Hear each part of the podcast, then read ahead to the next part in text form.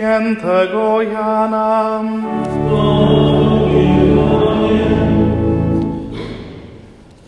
Jezus powiedział, zaprawdę, zaprawdę powiadam wam, kto nie wchodzi do owczarni przez bramę, ale wdziera się inną drogą, ten jest złodziejem i rozbójnikiem. Kto jednak wchodzi przez bramę, jest pasterzem owiec.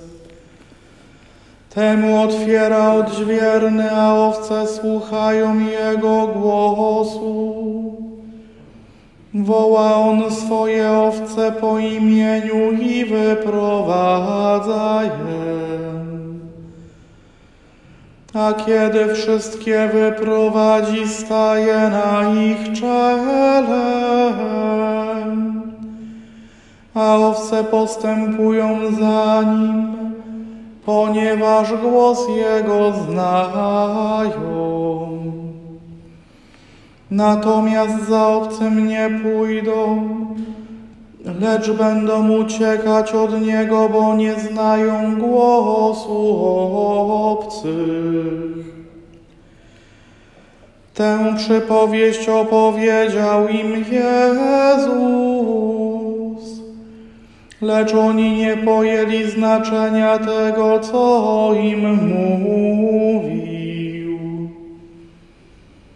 Powtórnie więc powiedział do nich Jezus, Zaprawdę, zaprawdę powiadam wam, ja jestem bramą owiec. Wszyscy, którzy przyszli przede mną, są złodziejami i rozbójnikami, a nie posłuchały ich owce. Ja jestem bramą. Jeżeli ktoś wejdzie przeze mnie, będzie zbawiony. Wejdzie i wyjdzie i znajdzie paszę. Złodziej przychodzi tylko po to, aby kraść, zabijać i niszczyć. Ja przyszedłem po to, aby owce miały życie i miały je w obfitości. Oto słowo Pańskie.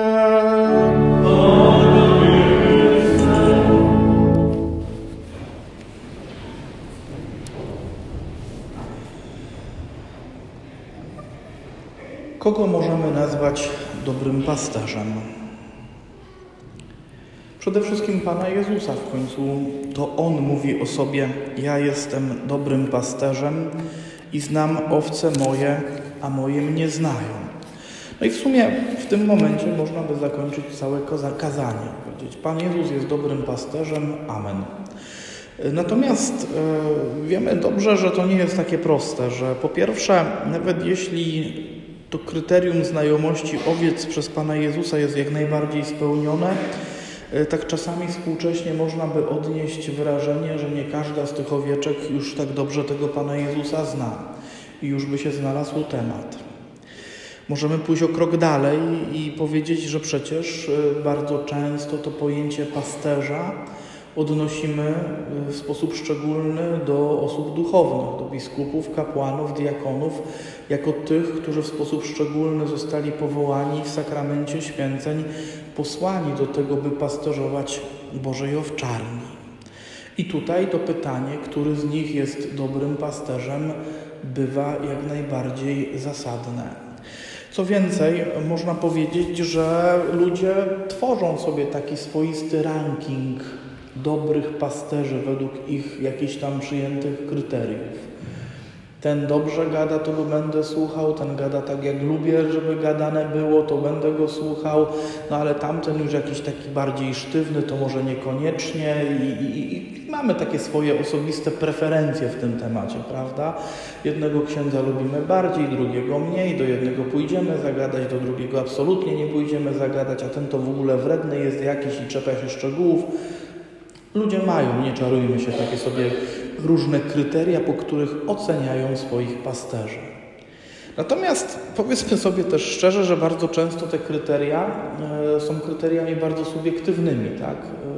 E, wynikającymi z jakiejś mojej natury, z mojego w cudzysłowie osobistego zapotrzebowania, e, tego co w moim poczuciu jest od pasterza wymagać powinienem.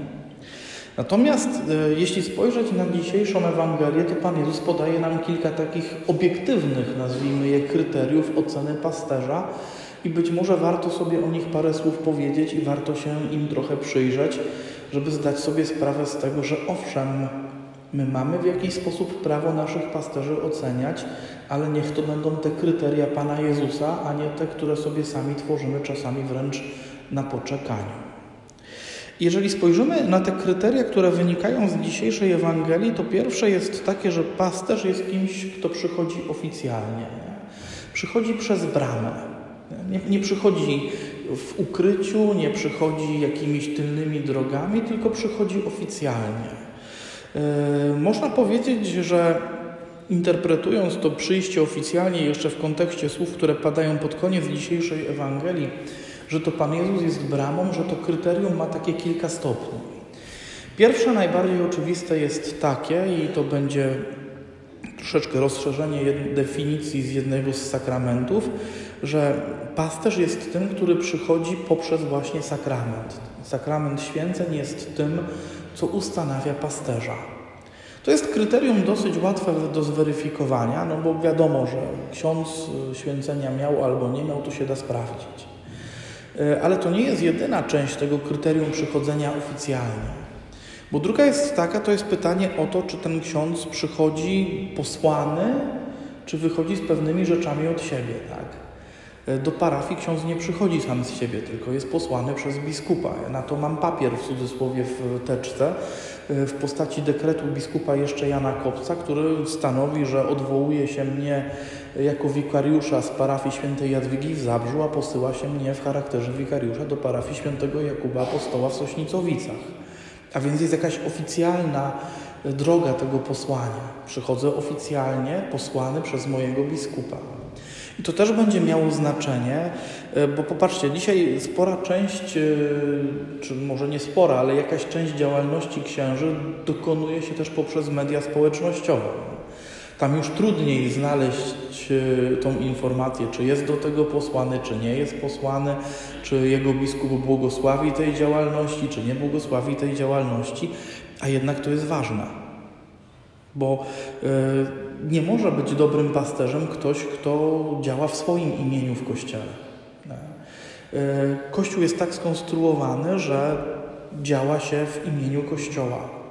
Jeśli mój biskup mnie posyła, daje mi w jakiś sposób taki, nie wiem, glejt na działanie w imieniu Kościoła diecezji gliwickiej w danej parafii, w danym miejscu, w danej posłudze, bo to jest posłanie.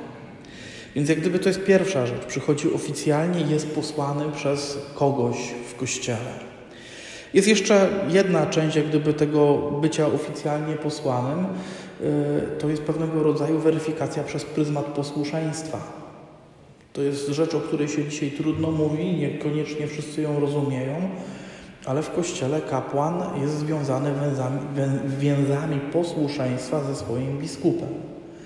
Więc jeśli kapłan działa w posłuszeństwie swojemu biskupowi, możemy o nim mówić, że jest wszystko w porządku. Jeśli by działał przeciwko swojemu biskupowi, bez zgody swojego biskupa, to jest coś nie tak. Ja to przywołuję nie bez przyczyny, bo w ciągu ostatnich kilku lat co rusz słyszy się o księdzu, który tworzy wokół siebie grupę ludzi. Ta grupa ludzi jest zachwycona, bo to taki święty, świątobliwy i pobożny ksiądz, po czym nagle się okazuje, że kiedy biskup przygląda się tej działalności bliżej, kiedy biskup zaczyna w pewien sposób porządkować pewne sfery tej działalności, ksiądz staje okoniem wobec swojego biskupa i nagle rodzi się rozłam. bo niektórzy zwolennicy księdza twierdzą, że biskup nie ma racji. E, ja bym tylko chciał w takiej sytuacji przypomnieć przykład świętego ojca Pio, który też w pewien sposób, można było powiedzieć, niekoniecznie zawsze był słusznie postrzegany przez władzę zwierzchnią kościelną, ale właśnie w posłuszeństwie tej władzy kuła się jego świętość. Więc jeżeli widzimy kapłana, który działa na przekór swojemu biskupowi, na przekór swojemu przełożonemu, można powiedzieć, że coś jest nie tak, że to nie może być dobry pasterz, bo on nie działa tak, jak chce tego pasterz owczarni. Y, ja to mówię też z takim doświadczeniem bardzo osobistym tego, co rodzi się z, z nieposłuszeństwa kapłańskiego, ponieważ moja rodzinna parafia bardzo mocno właśnie takim postępowaniem została naznaczona i dotknięta. I ja jako kleryk przeżywałem skutki nieposłuszeństwa jednego z księży wobec biskupa. I ja zdaję sobie z tego sprawę, że to mogą być mocne słowa, ale to jest ważne. Tak? Jeśli widzicie kapłana, który, o którym mówi się, że działa wbrew swojemu przełożonemu, to jest bardzo niepokojąca sytuacja. To nie jest kapłan, który chociażby wydawał się najpobożniejszym, najświętszym, choćby się pięknie modlił, długo się modlił i piękne słowa głosił, to coś jest nieuporządkowane w nim, skoro on nie ma w sobie jedności ze swoim biskupem. E, więc to jest takie drugie kryterium, które gdzieś rodzi się z dzisiejszej Ewangelii. Jest jeszcze kolejne, bo Pan Jezus mówi, że owce postępują za pasterzem, ponieważ znają Jego głos.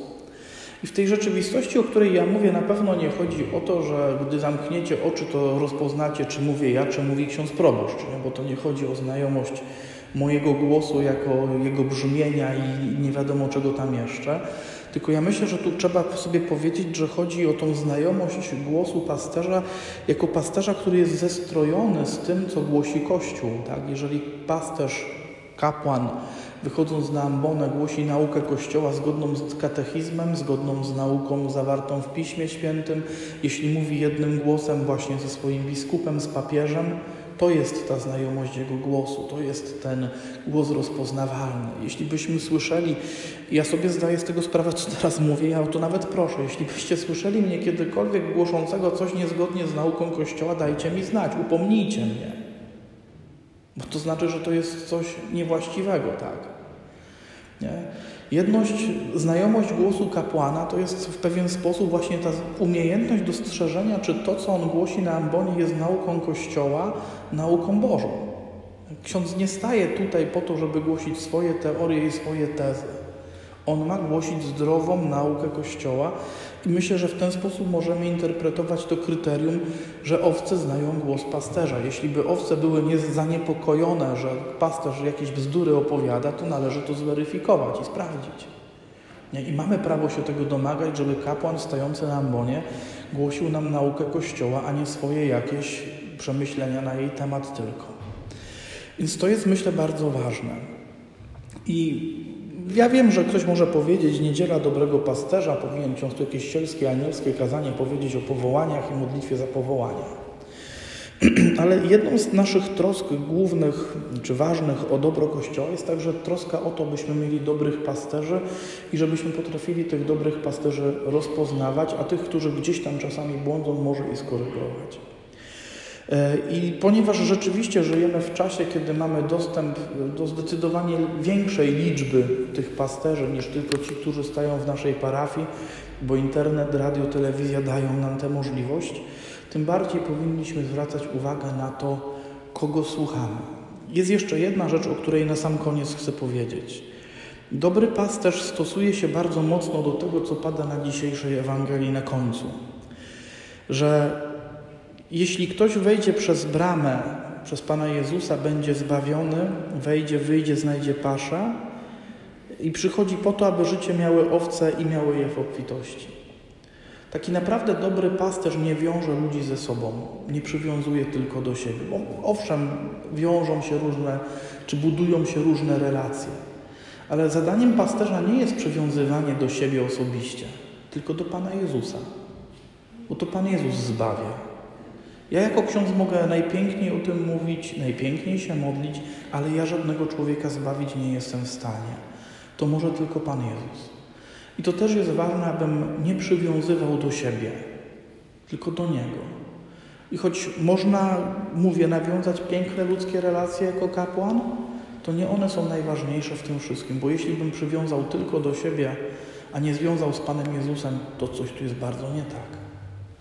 I dlatego módlmy się właśnie o takich kapłanów, o takich pasterzy, którzy będą przychodzili w zgodzie, z posłuszeństwie wobec Kościoła, którzy będą głosili nam zdrową naukę i prowadzili nas i wiązali z Panem Jezusem.